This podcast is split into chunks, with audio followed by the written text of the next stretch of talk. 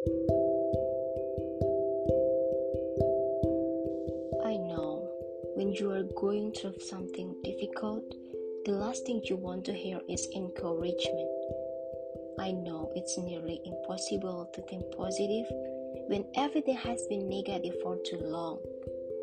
In this moment, now that it's okay to close the book, it's okay to turn off the optimism. It's okay to just sit there and distract yourself. Sometimes our minds simply need silence for some time.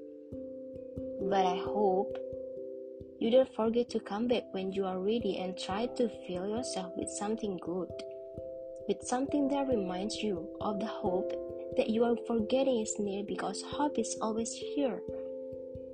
Remind yourself of a good memory.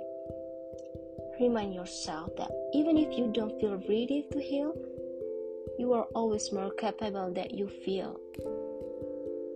You really are always doing better than